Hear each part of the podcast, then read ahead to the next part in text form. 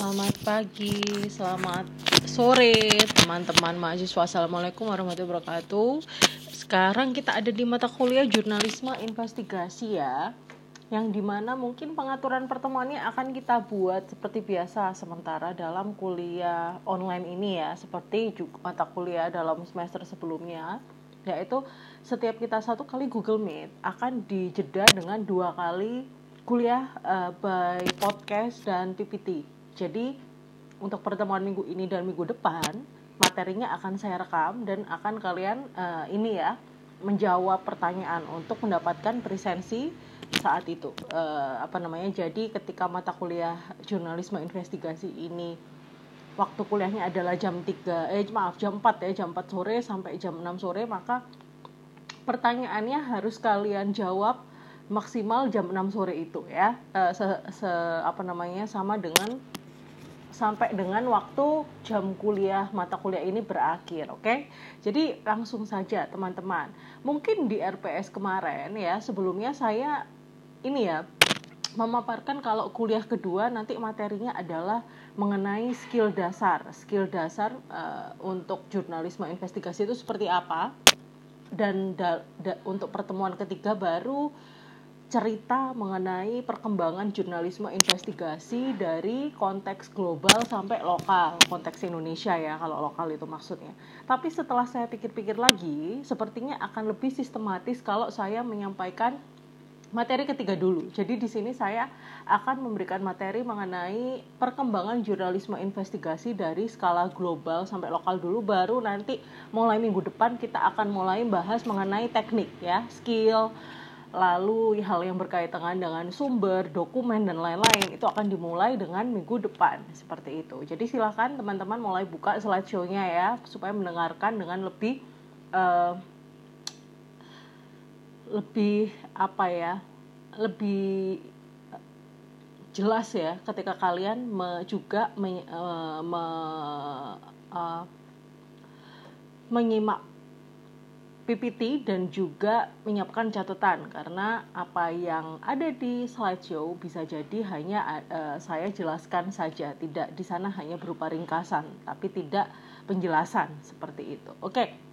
Dimulai ke slide yang kedua. Jadi pelaporan investigasi, jurnalisme investigasi itu memang menjadi bagian yang paling menantang ya dalam jurnalisme uh, yang mengalami pertumbuhan sejak abad ke-20 ini sama-sama menantang bahkan mungkin pekerjaan jurnalisme investigasi ini sama dengan kerjanya intelijen ya. Karena secara prinsip pekerjaan itu mirip. Kita sama-sama mengambil isu yang sensitif masuk ke lokasi yang berbahaya. Kita mengumpulkan data wawancara eh, menyamar. Bedanya saja untuk jurnalis kita uh, niat melakukan investigasi ini untuk publikasi, untuk akhirnya mendesiminasi berita ini ke masyarakat. Sedangkan untuk Intel, dia melakukannya atas dasar komando komando uh, pada atasannya saja ya. Bahkan kalau katanya ini ya jurnalis dari Chicago, si Finley Peter Dan ini menyebut kalau investigasi ini pekerjaan yang uh, menyenangkan orang susah dan menyusahkan orang senang. Karena kebanyakan ketika kita membongkar sesuatu maka itu adalah hal yang bersifat uh, kejahatan ya yang itu tampaknya akan menjadi kabar baik untuk orang-orang susah ya seperti kita ini. Jadi kalau kita dengar kabar korupsi itu kan pasti senang ya kita senang karena ada pihak yang berhasil membongkar itu meskipun belum tentu yang membongkar adalah aparat penegak hukum itu sendiri ya apalagi dengan di apa namanya di persekusinya KPK seperti sekarang jadi kita ibaratnya nggak bisa berharap banyak ya pada negara itu. Dan um, kalau katanya Gunawan Muhammad ya uh, Gunawan Muhammad itu bilang kalau pekerjaan jurnalisme investigasi itu adalah pekerjaan membongkar kejahatan. Makanya itu para jurnalis yang melakukan investigasi itu dijuluki sebagai mark ya atau para pembongkar kasus. Seperti itu. Lalu kita akan langsung ke slide yang keempat ya. Slide yang ketiga ini uh, cuma intermezzo supaya kalian nggak tegang-tegang dalam menyimak kuliahnya. Oke, jadi perkembangan jurnalisme uh, investigasi dalam skala global ini dimulai dengan hadirnya pers ya. Ketika pers ini mulai bangkit pada abad ke awal abad ke-20, waktu itu awal-awal masa menjelang Perang Dunia Pertama.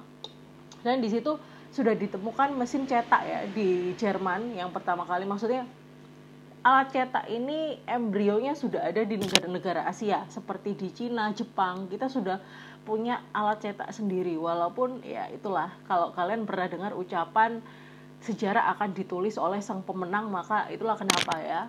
Sejarah kita ini sangat western centris ya. Sangat berpusat pada negara-negara barat. Karena ya kebanyakan mereka yang menuliskan sejarah-sejarah dunia seperti itu. Makanya kalau mereka menuliskan mesin uh, penemu mesin cetak pertama adalah si siapa itu? Gutenberg dari Jerman. Maka ya uh, sebenarnya kita punya gitu ya hanya saja kalau mau baca lebih lanjut harus uh, harus melakukan riset lebih dalam itu ada ada dulu di Cina dan di Jepang. Seperti itu. Ya itu dengan adanya mesin cetak, berkembangnya mesin cetak, akhirnya berdirilah sebuah uh, pers ya di akhir abad ke-19 itu geliat pers itu sudah mulai ada khususnya di Amerika dan Eropa karena uh, mereka adalah negara-negara pertama yang ini ya, yang ibaratnya punya otoritas atas wilayah mereka sendiri. Uh, bahkan kenyataannya Eropa ketika tahun-tahun segitu mereka masih melakukan penjajahan, masih melakukan kolonisasi ke negara-negara lain. Jadi nggak heran kalau pers itu pertama berkembang ya di negara-negara barat karena apa? Karena mereka waktu itu punya otoritas yang utuh untuk wilayahnya sendiri. Jadi awal-awal abad ke-20 itu di Amerika ada ini ya, uh, ada sebuah majalah, majalah dan koran itu merupakan penanda bangkitnya pers ya di era-era awal abad ke-20 di Amerika itu kebutuhan akan berita itu waktu itu sangat besar. Jadi perusahaan-perusahaan pers itu banyak yang baru dan akhirnya uh, salah satu kasus yang terbongkar waktu tahun 1902 itu ada namanya majalah McClure's ya. Mereka menerbitkan laporan-laporan yang membongkar politik uang. Jadi politik uang para politisi, para apa namanya konglomerat di Washington DC. Jadi sejak itu akhirnya itu menjadi salah satu trigger uh, bagi para jurnalis-jurnalis di Amerika waktu itu untuk terus melakukan investigasi atas kasus-kasus yang melibatkan korupsi, melibatkan kekerasan dan lain-lain. Tapi kebanyakan memang kalau untuk investigasi dalam konteks global itu adalah kasus korupsi ya, kasus korupsi, penggelapan dana, money laundry, seperti seperti itu adalah yang paling banyak diinvestigasi. Hingga pada perkembangannya ini di era di tahun 1975 ya. Ini berarti kalau 1975 ini masa di mana terjadinya perang dingin ya antara blok timur dan blok barat. Waktu itu blok barat dipimpin oleh Amerika Serikat yang anggota-anggotanya adalah negara-negara Eropa melawan blok timur yang dipimpin oleh Rusia dan Cina ya. Jadi ini e, karena itu mungkin kalian kalau pernah belajar sejarah di SMA waktu itu Indonesia lewat Presiden Soekarno kita mengenal sebuah gerakan yang namanya gerakan non blok untuk menghindari menghindari klasifikasi kalau kita ini lebih memihak pada negara-negara timur atau negara-negara barat. Walaupun ketika itu juga sudah ini ya negara barat sangat takut Indonesia akan jatuh pada komunis. Karena Soekarno ini kan ideologinya ini agak-agak kiri ya agak-agak sosialis yang memang jatuhnya uh, apa ya kalau orang-orang awam akan memaknai itu sebagai komunis padahal itu adalah dua hal yang berbeda gitu. Jadi uh, ketika itu waktu 1975 akhirnya didirikan sebuah forum ya yang namanya Investigative Reporters and Editors di Amerika Serikat jadi waktu itu mereka mulai mengadakan seminar teknik-teknik investigasi ya, bagaimana mengelola database, memperkenalkan sistem riset, bahkan via internet ya, ketika internet itu sudah berkembang, bagaimana mengembangkan sistem penginderaan jarak jauh. hingga uh, spesialisasi jurnalis uh, investigasi-investigasi tertentu. Ada investigasi di bidang kesehatan, investigasi di bidang politik, hingga yang lain-lain. Termasuk pemberian penghargaan untuk karya investigasi yang uh, terbaik ketika itu. Jadi IRI ini atau IRE ini ya, IRI ini uh, berkembang dan bertahan sampai sekarang di Amerika uh, Serikat itu ini sekarang masih ada ya bahkan IRI ini sering kali juga bekerja sama dengan kampus-kampus bagus di Amerika ya untuk memberikan pelatihan jurnalistik pada mahasiswa-mahasiswa komunikasi dan juga mahasiswa jurusan jurnalistik di Amerika Serikat itu sendiri. Sedangkan di Asia ya di Asia ini gerbongnya ini sebenarnya lumayan masif ini di Filipina ya ketika itu ya. Filipina ini lumayan yang terdepan dalam urusan jurnalistik yang dia punya forum yang dinamakan Philippine Center for Inter Investigative Journalism yang terbentuk pada 1989. Jadi kalau kalian kemarin dengar ya siapa itu? Watchdog dokumentari mendapatkan penghargaan Ramon Magsaysay itu. Uh, Ramon Magsaysay ini adalah nama mantan presiden Filipina yang dia itu meninggal karena kecelakaan pesawat. Dan sebagai apa ya sebagai penghargaan Filipin sendiri untuk para jurnalisme jurnalis yang berdedikasi. Akhirnya dia mengadakan uh, dia dia me, membentuk suatu ini ya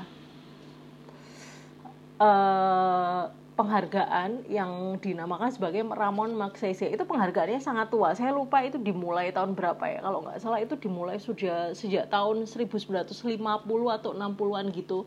Dan itu penghargaan itu merupakan penghargaan yang bergengsi dalam level Asia.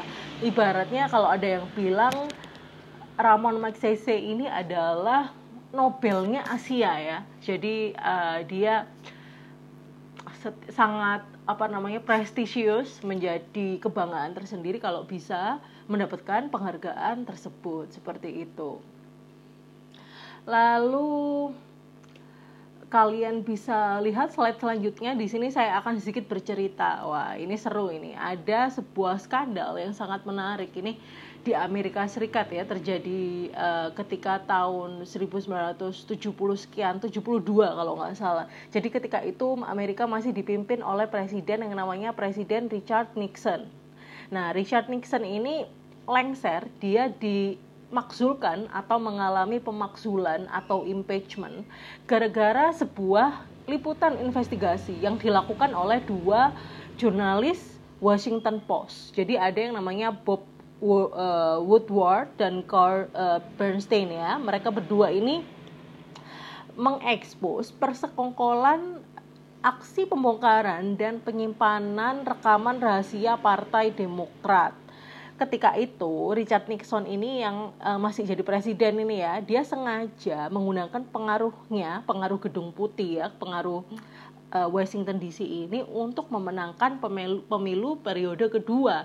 Nah, ini akhirnya menjadikan Nixon ini melakukan kecurangan-kecurangan ya yang tidak dicium oleh banyak pihak tapi itu dicium oleh dua jurnalis Washington Post ini si Carr sama si Bob ini. Nah ini ini akan agak akan agak sedikit menarik makanya saya akan jelaskan lebih spesifik di sini. Karena di sini uh, saya ingin akhirnya kalian melihat ya bahwa jurnalisme investigasi itu merupakan sebuah proses yang bertahap yang ini kalian nggak akan bisa mengharapkan mendapatkan luaran atau hasil dari produk jurnalisme investigasi dengan instan ada proses di sana. Yang itu juga kadang butuh waktu. Kalau di uh, jurnalisme investigasi yang masa sekarang bisa jadi kita menggunakan sistem deadline ya supaya dia ada apa target waktu yang jelas gitu. Jadi kalau misalnya dulu saya di Jawa Pos uh, jurnalisme investigasi ini sering kali kita berikan waktu 1 sampai 4 minggu. Jadi bisa dikerjakan dalam waktu satu minggu sampai satu bulan bergantung dengan seberapa besar kasusnya itu, seberapa bahayanya. Uh, tapi kalau waktu apa namanya waktunya itu memang nggak bisa ditawar ya maksudnya tidak ada ada kasus yang sangat besar dan hanya diketahui oleh beberapa pihak saja maka ya bisa jadi liputan ini akan dirahasiakan ya jadi akan hanya diketahui oleh jurnalis dan editor yang mem, uh, yang mensupervisi jurnalis tersebut tanpa diketahui orang banyak karena normalnya bila uh, liputan investigasi ini hanya dilakukan uh, hanya dilakukan dalam kurun waktu 1 sampai 4 minggu maka uh, seyogyanya itu satu forum akan tahu ya. Jadi satu desk, satu kompartemen itu mereka akan mengetahui kalau ada investigasi mengenai hal ini, misalnya seperti itu. Nah, si investigasi yang dilakukan oleh Bob Woodward dan Carl Bernstein ini ternyata dilakukan dalam waktu dua tahun. Wah, dua tahun ini masa ketika awal dia memberitakan hingga pada akhirnya Presiden Richard Nixon ini dimakzulkan. Jadi prosesnya dua tahun di situ. Kalian bisa lihat di slide yang keenam ya. Ini jadi awal mulanya ini pembobolan ini uh, ada ada sekelompok lima orang ya lima orang ini melakukan pembobolan di kantor pusat Partai Demokrat yang terletak di Watergate karena itu dinamakan skandal Watergate karena kantornya Partai Demokrat Amerika itu waktu itu terletak di gedung Watergate di Washington DC. Jadi pembobolan itu terjadi pada 12 Juni ya, 72. Oke, 72 ternyata benar. Dan di situ ternyata diketahui di, di, ditangkap ada lima orang yang melakukan pembobolan itu, termasuk salah satu di antaranya namanya adalah James McCord. Jadi McCord ini yang akhirnya nanti akan membongkar semuanya karena akhirnya si Bob uh, sama Karn ini mereka menyadari kalau James McCord ini adalah ketua pemenangan uh, koordinator keamanan komite pemenangan kembali presiden ya komite to re-elect the president jadi uh, dia salah satu orang penting dalam uh, apa namanya pemilu yang digunakan Richard Nixon untuk uh, me, apa namanya me, untuk memenangkan kembali periode kedua itu. Di situ akhirnya si dua wartawan Washington DC, Bob sama Carr ini dia mencium, uh, waduh jangan-jangan ada keterlibatan Presiden Nixon di sana. Karena kok salah satu yang uh, tertangkap yang melakukan pembobolan adalah orang yang uh, orang kepercayaan, orang tangan kanan Presiden Nixon ini sendiri yang uh, dia tunjuk untuk uh, menjadi salah satu komite pemenangan kembali dia uh, saat pemilu periode kedua yang akan dilakukan. Jadi waktu itu belum dilakukan ya. Jadi uh, Nixon itu pertama kali terpilih menjadi presiden itu waktu 1968 ya. Jadi 62 tahun eh maaf tahun 1972 itu merupakan tahun terakhir Nixon ya. Jadi akhirnya dia dengan ambisi untuk menjadi presiden lagi, dia melakukan pembobolan tersebut untuk entah membongkar dokumen rahasia Partai Demokrat atau seperti apa, seperti itu. Nah, akhirnya uh, seiring berjalannya waktu ini diketahui Presiden Nixon ini malah melakukan lobby-lobby gitu ya ke FBI, ke CAI, uh, CAI, CAA, aduh sorry ya, supaya melakukan supaya penyelidikan Watergate ini dihentikan. Jadi alih-alih mendukung adanya uh, adanya penyelidikan, Nixon ini malah melobi supaya Watergate ini udah dihentikan aja. Tapi karena eh, itu ya jangan justru meminta itu dihentikan karena itu akan menjadikan para jurnalis ini tersulut ya untuk tetap melakukan untuk tetap membongkar ada apa ini di, di apa namanya yang sebenarnya terjadi hingga akhirnya perjalanan kasus ini itu tetap ya ada pasang surutnya. Di sisi lain kadang pemberitaannya meredam di sisi lain kadang pemberitaannya tiba-tiba akan akan menjadi uh, meraih perhatian publik lagi.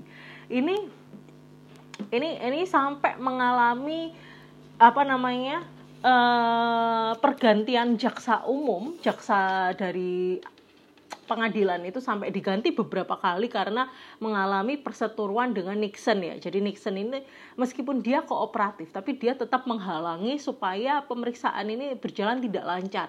Hingga akhirnya salah satu kunci dari kesaksian itu malah uh, ada pada staf operasional. Jadi seorang staf yang dia uh, tidak dianggap apa tidak dianggap apa-apa gitu ya pada awalnya, tapi si namanya itu Alexander Butterfield, uh, Butterfield. Jadi si Butterfield ini mengaku kalau ternyata semua percakapan di dalam gedung putih ya di gedung putih kepresidenan Washington DC itu itu direkam Nah, itu lumayan mengejutkan banyak orang karena tidak semua orang, bahkan semua orang yang bekerja dalam gedung putih itu menyadari kalau percakapan mereka di dalam gedung putih itu disadap. Nah, ini yang akhirnya membuat jaksa khusus saat itu ya, jaksanya ketika itu dijabat oleh Archibald Cox. Archibald Cox ini merupakan uh, profesor hukum dari Harvard University. Jadi, Cox ini akhirnya meminta rekaman pada uh, Nixon ya uh, rekaman pada tanggal-tanggal tertentu yang ditengarai uh, terjadi perdebatan mengenai skandal Watergate di situ. Ada ada entah entah itu ada apa namanya?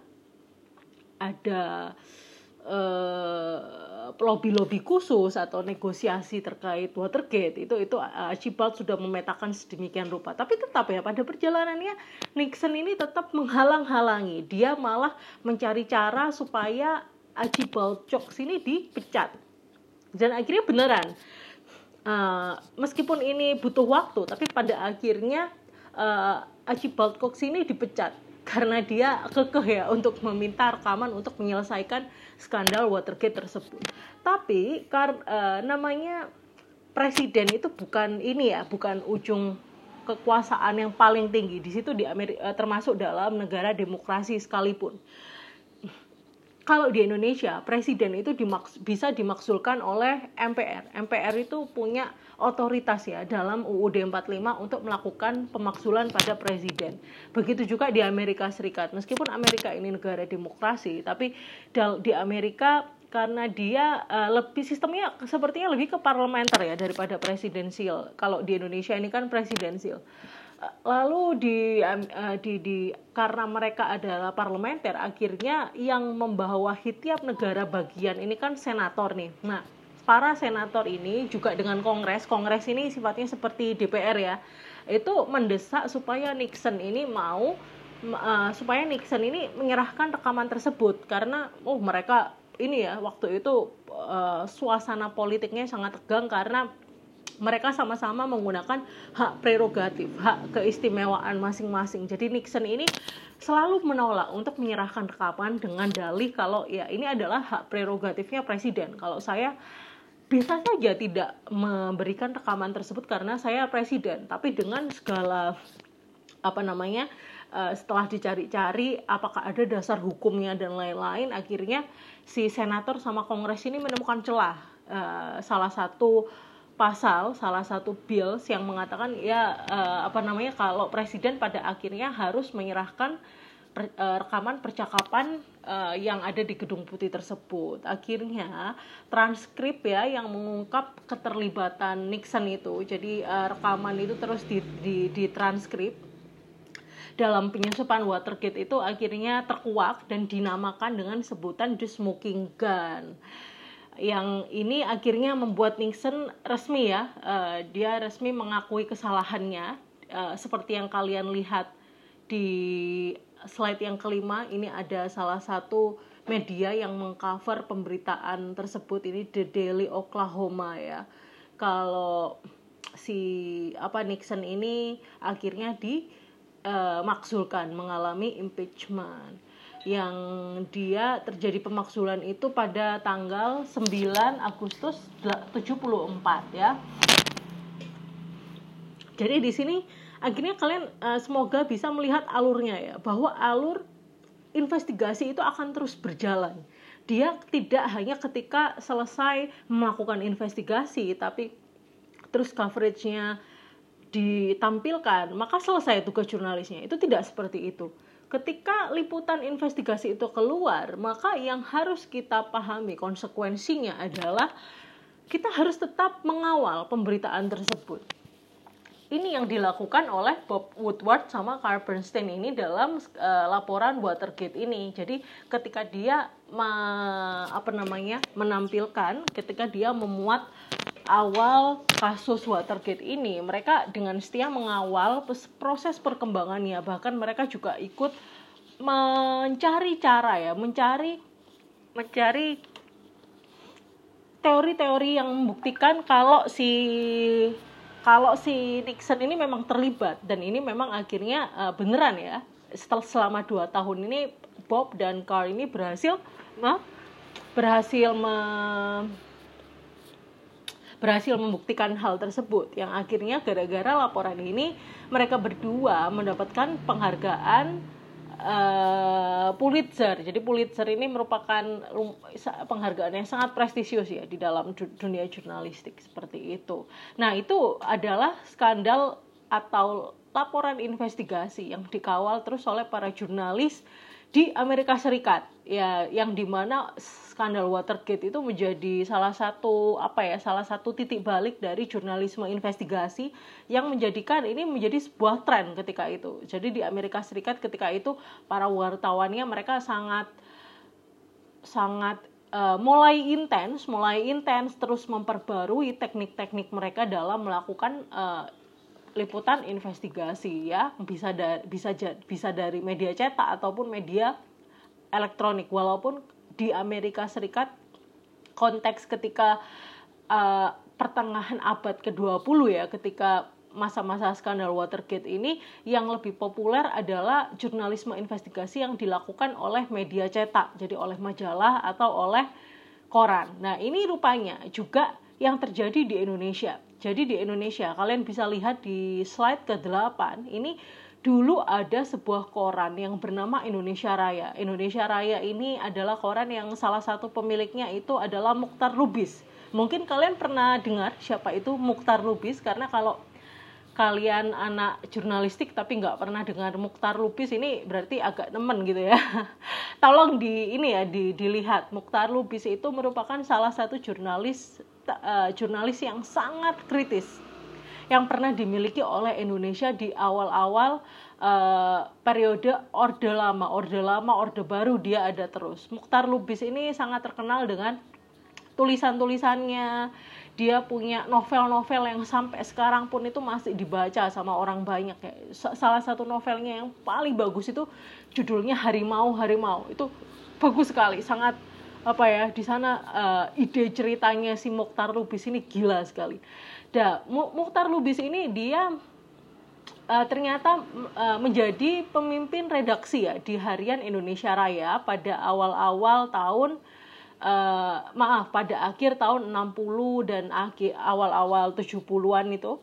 Nah, ketika Indonesia Raya ini masih apa namanya dia dia beredar ya ada satu liputan yang menjadi cikal bakal investigasi di Indonesia. Ini si uh, Indonesia Raya ini membongkar kasus korupsi di Pertamina dan Badan Logistik ya senilai miliaran rupiah ketika itu. Jadi si Mukhtar Lubis itu dia mendapatkan informasi dari orang dalam. Dia mendapatkan dokumen tentang penyelewengan dana korupsi itu yang merupakan ketika itu Pertamina dipimpin oleh Majen Ibnu Sutowo ya tahu Majen Ibnu Sutowo itu kalau nggak salah kakeknya ini kakeknya Indra Guna Sutowo Indra Guna Sutowo itu suaminya Dian Sastrowardoyo jadi kalian kalau melihat uh, alangkah alangkah beruntungnya gitu, begitu ya Dian Sastro menikahi seorang laki-laki yang kaya raya tapi ternyata kaya rayanya itu dari hasil korupsi gitu ya. Jadi sebenarnya nggak usah bangga bangga banget.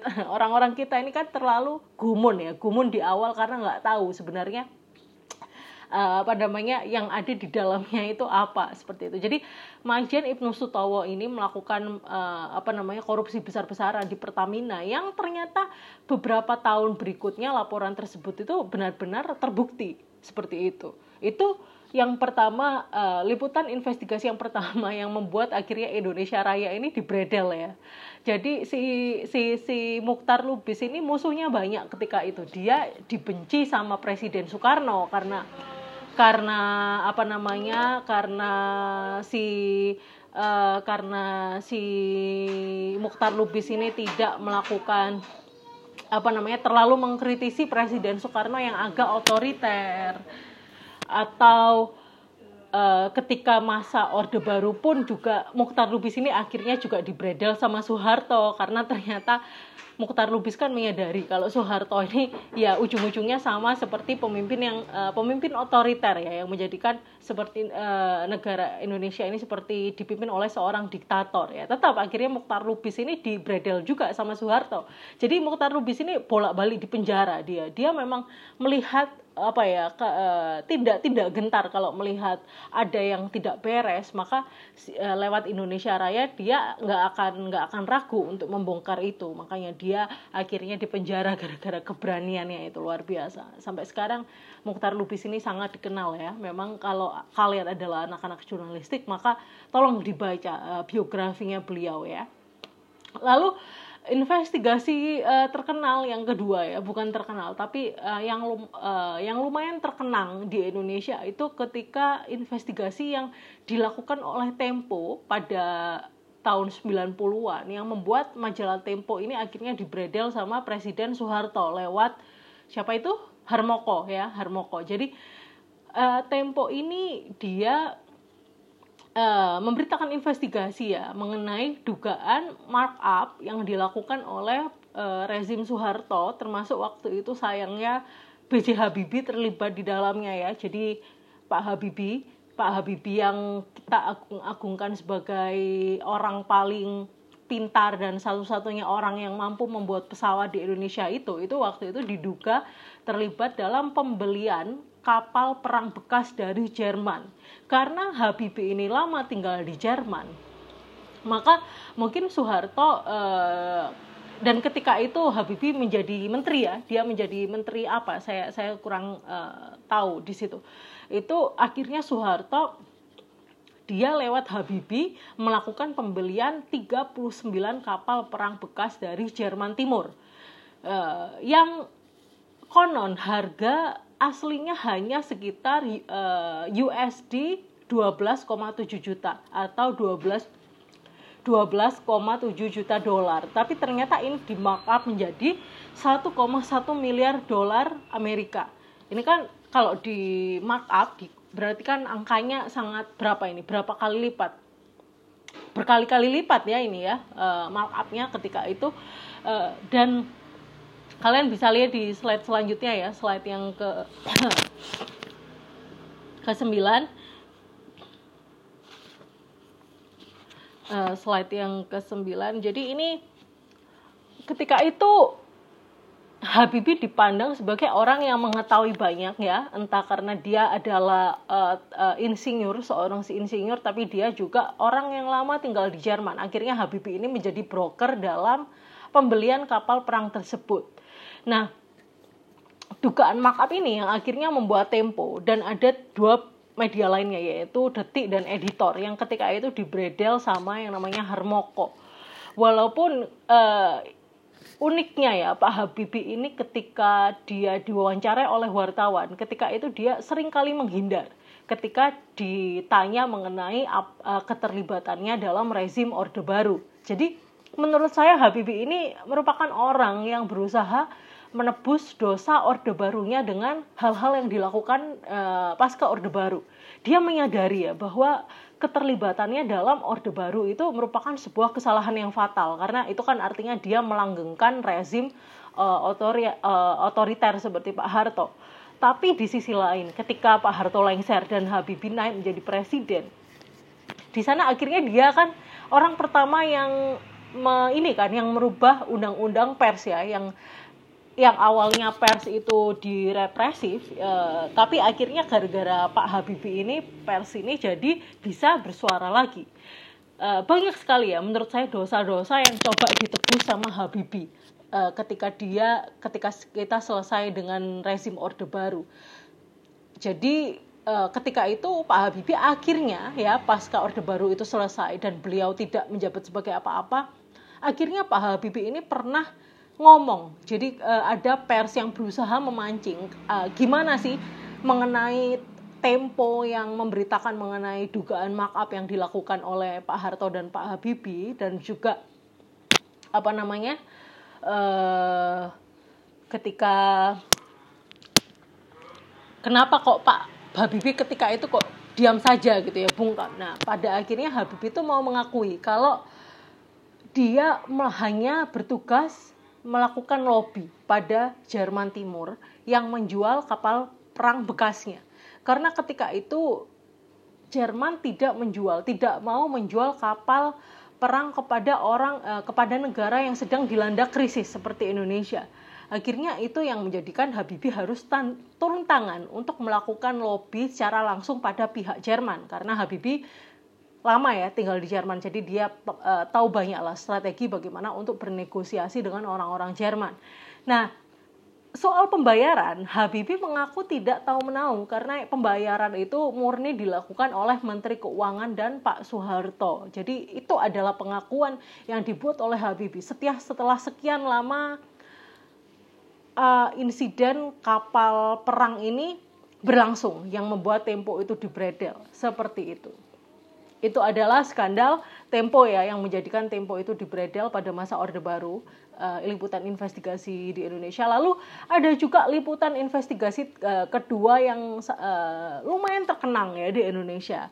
Ini merupakan ini dikenal sama dengan nama skandal emas busang yang dilakukan oleh Bondan Winarno. Jadi kalau misalnya kalian masih menangi itu ya, Bondan Winarno ini kan kita kenal sebagai tokoh kuliner yang pernah ada di Trans TV dan Bonan Winarno apa namanya sebagai orang apa sebagai pemandu yang dengan kata maknyusnya itu ya yang terkenal.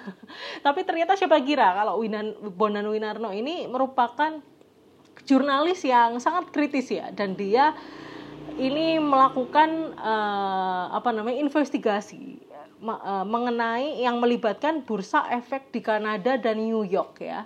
Dan uniknya skandal ini ini adalah skandal tingkat tinggi yang melibatkan pejabat uh, tinggi di Indonesia, termasuk salah satunya adalah Soeharto. Waduh, banyak sekali ya memang ya keterlibatannya Pak Soeharto ini apa namanya di masa-masa sulit ini memang luar biasa dosanya Pak Soeharto ini. Waduh, maaf ya Pak Soeharto ya, tapi memang benar kenyataannya gitu ya. Jadi uh, si Bondan Winarno ketika itu dia melakukan uh, melakukan investigasi ya dia melakukan eksplorasi ke, terhadap kematian orang yang dianggap bertanggung jawab pada skandal emas busang ini yang namanya Michael de Guzman. Jadi Michael de Guzman ini dia apa namanya uh, di, dikabarkan meninggal, dikabarkan meninggal, tapi uh, Bondan Winarno ini dia menemukan keanehan ya yang tidak wajar dalam dokumen kematian Michael de Guzman tersebut. Misalnya di situ dilaporkan kalau uh, mayat de Guzman ini jatuh dari atas ketinggian 800 kaki ke tanah lumpur ya. Tapi anehnya itu kok ditemukannya itu dalam keadaan utuh dan mengambang. Jadi kalau mayatnya itu benar-benar jatuh dari ketinggian 800 kaki ya harusnya dia hancur atau terbenam nggak muncul ke permukaan gitu ya. Juga si Bonan Winarno ini menemukan ciri-ciri bahwa mayat uh, yang apa namanya mayat yang ditemukan ini menggunakan gigi palsu gitu ya. Ini uh, apa namanya uh, tidak sama dengan De Guzman sendiri itu dia tidak tidak punya gigi palsunya ibaratnya seperti ini. Dan Bonan Winarno ini juga mencium kok aneh rasanya. Logika bunuh dirinya ini nggak bisa diterima gitu ya untuk untuk orang semacam Michael de Guzman yang dia itu sangat hobi untuk hidupnya itu sangat foya-foya ya. Ganti-ganti perempuan dan apa namanya uh, dikelilingi sama kemewahan-kemewahan jadi kok uh, dengan semua logika-logika itu Bondan Winarno ini akhirnya mencium ada yang tidak beres dengan kematiannya itu. Nah akhirnya uh, di sana Bondan benar-benar melakukan eksplorasi yang akhirnya menemukan kalau kematian Michael de Guzman ini merupakan pemalsuan semata. Jadi aslinya Michael de Guzman ini tidak meninggal tapi supaya men, me, apa namanya untuk menyelesaikan skandal emas busang yang sudah terlanjur diberitakan beberapa negara ya Indonesia, beberapa negara Asia, juga di Kanada dan Amerika, maka yang paling mudah adalah untuk menunjuk Michael de Guzman sebagai pelakunya dan e, memalsukan kematiannya. Ibaratnya seperti itu yang akhirnya ternyata dia tidak meninggal ya. kematiannya itu dipalsukan seperti itu. Ini ada dua investigasi yang e, terkenang ya di Indonesia. Walaupun e, ketika kita sudah selesai mengakhiri rezim e, otoriternya Pak Soeharto sayangnya apa namanya kita ini sudah terlama dinabubukkan gitu ya dengan apa namanya dengan iklim politik orde baru yang sangat uh, lempeng gitu. Ibaratnya Indo, uh, Indonesia ini kayak kita itu sudah sudah 32 tahun di apa di dikuasai oleh rezimnya Soeharto. Ini membuat akhirnya kayak semacam membungkam nalar kritis para jurnalis saat itu. Para jurnalis kita ini akhirnya jadi tidak terbiasa untuk melakukan liputan investigasi, untuk melakukan apa ya pemberitaan atau reportase yang uh, berbau intelijensi seperti uh, intelijen seperti ini yang melakukan kerja-kerja intelijen seperti ini jurnalis-jurnalis kita ini terlalu banyak malah me, ini ya melakukan talking journalism. Talking journalism ini bagaimana kita benar-benar mengutip pernyataan tokoh siapa saja, tokoh bisa tokoh politik, tokoh ini, tokoh itu, itu kita kutip pernyataan tokoh. Lalu kita benturkan dengan pernyataan dari pakar yang merupakan akademisi. Biasanya ini jatuh dari uh, dari golongan akademisi lalu mengkonfrontasi dua pernyataan tersebut. Jadi uh, apa sih yang terjadi? Uh, kita wawancara dengan praktisi. Lalu untuk membentuk membenturkannya bahwa itu benar atau tidak, kita akan wawancara akademisi. Maka ini yang dinamakan talking journalism. Kalau kita hanya mengutip kanan kiri, di sana kita hanya akhirnya men, uh, membeberkan perspektif dari dua kepentingan saja. Akhirnya apa? Implikasinya kita tidak memberitakan realita yang ada di lapangan. Nah, itulah yang akhirnya uh, menjadi apa ya uh, jurnalis-jurnalis Indonesia ini merasa terlena gitu ya dengan kebiasaan ini dan ini ini ya tidak baik seperti itu. Walaupun ternyata kita diuntungkan dengan perkembangan di periode media baru ya. Jadi semenjak tahun sekitar 2010 uh, eh, ada di mana ada media sosial ini ini membuat menurut saya jurnalisme investigasi ini mulai berkembang lagi gitu ya. Banyak media-media yang akhirnya memutuskan untuk tumbuh secara independen. Coba lihat media-media yang terus melakukan investigasi itu mereka hanya ada mereka adalah media-media yang independen yang tidak bergantung pada satu media besar ya. Jadi li, coba kalian lihat seperti rep, uh, TV One Indosiar, liput apa namanya terus SCTV. Coba itu TV-TV seperti itu. Mereka masa ada melakukan jurnalisme jurnalisme investigasi ya? Jelas tidak ya. Karena apa? Karena pemilik dari media tersebut ya ingin mengamankan posisinya pada rezim ya. Mereka tidak mau ikut mengkritisi karena ikut takut berbenturan pada uh, pada pada apa namanya? pada rezim dan akhirnya menjadikan hubungan mereka tidak baik. Makanya akhirnya mereka ambil amannya aja. Sedangkan media-media yang melakukan investigasi yang kita tahu ya seperti yang konsisten itu seperti narasi ya narasinya Najwa Shihab. Itu kan dia media yang kecil ya bisa kita bilang mungkin modalnya tidak sebesar media-media besar seperti MNC seperti Metro TV dan lain-lain. Tapi mereka konsisten seperti itu walaupun juga perlawanannya luar biasa ya. Bagaimana uh, apa yang dilakukan oleh misalnya narasi dan watchdog dokumentari ini mendapatkan uh, seperti intimidasi dari pihak-pihak uh, rezim atau tidak didukung oleh masyarakat di mana masyarakat kita hanya lebih apa ya lebih memprioritaskan uh, apa namanya influencer ya sebagai pengaruh uh, dalam mempengaruhi pola pikir uh, dan juga wawasan-wawasan mereka gitu. Itu ini perlawanannya luar biasa. Maksudnya perlawanan di sini orang-orang yang melakukan kerja investigasi ini akhirnya pihak-pihak yang melakukan investigasi ini tidak sepenuhnya mendapatkan dukungan ya seperti itu. Walaupun kemarin kita akhirnya sempat berbangga ya di Watchdog ini kan kalau kalian lihat viewersnya itu luar, luar biasa ya. Viewersnya Watchdog ini minimal pasti satu juta penonton di YouTube itu. Padahal isu-isu yang mereka angkat bukan merupakan isu-isu masyarakat awam isu-isu yang diangkat sama Watchdog dokumentari ini adalah isu-isu yang lumayan menguras pikiran seperti liputan energi tidak terbarukan seperti kelapa sawit uh, terus kerusakan lingkungan masyarakat adat yang terpinggirkan. Ini kan isu-isu yang tidak dipahami secara apa secara mudah gitu ya. Kita perlu waktu untuk menyimak untuk memahami apa yang dimaksud dengan masyarakat adat dan lain-lain.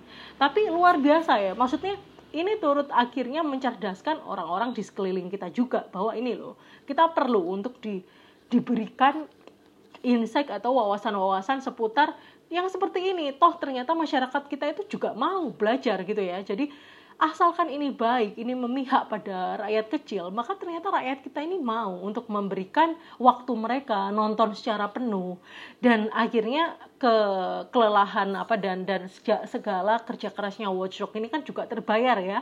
Kemarin dia mendapatkan penghargaan dari Ramon Maksasa yang saya ceritakan tadi eh, dan ini merupakan penghargaan ya seperti Nobelnya Asia gitu ya. Jadi ini sangat prestisius untuk mereka. Seperti itu ya teman-teman. Jadi uh, begitu sekelumit cerita mengenai perjalanan investigasi yang terjadi dalam konteks global dan lokal. Lalu untuk uh, presensi hari ini di Google Classroom kalian bisa menuliskan nama uh, terus nim sama dua per, uh, jawaban atas dua pernyataan pertanyaan di bawah ini ya. Jadi berdasarkan penjelasan saya uh, terhadap materi hari ini, menurut pendapat kalian itu apa sih tantangan terbesar jurnalisme investigasi di Indonesia pada masa sekarang? Itu pertanyaan yang pertama. Lalu pertanyaan yang kedua, apa yang Anda ketahui mengenai Orde Baru? Jadi dari tadi kita kok membahas mengenai jurnalisme investigasi ini banyak sekali keterkaitannya dengan entah itu kebangkitan masa uh, rezim orde baru, kejatuhan rezim orde baru. Apa sih kalian ini sebagai generasi Z yang terlahir tahun 2000 ketika Indonesia ini baru saja selesai dari rezim orde baru. Kalian belajar apa sih di bangku SMA tentang orde baru ini apa yang kalian ketahui seperti itu? Jawab tolong masing-masing 100 kata ya lewat Google Classroom sebagai bukti presensi hari ini. Oke, teman-teman, terima kasih untuk perhatiannya sampai ketemu minggu depan di uh, di medium podcast juga ya masih uh, selamat sore semuanya. Wassalamualaikum warahmatullahi wabarakatuh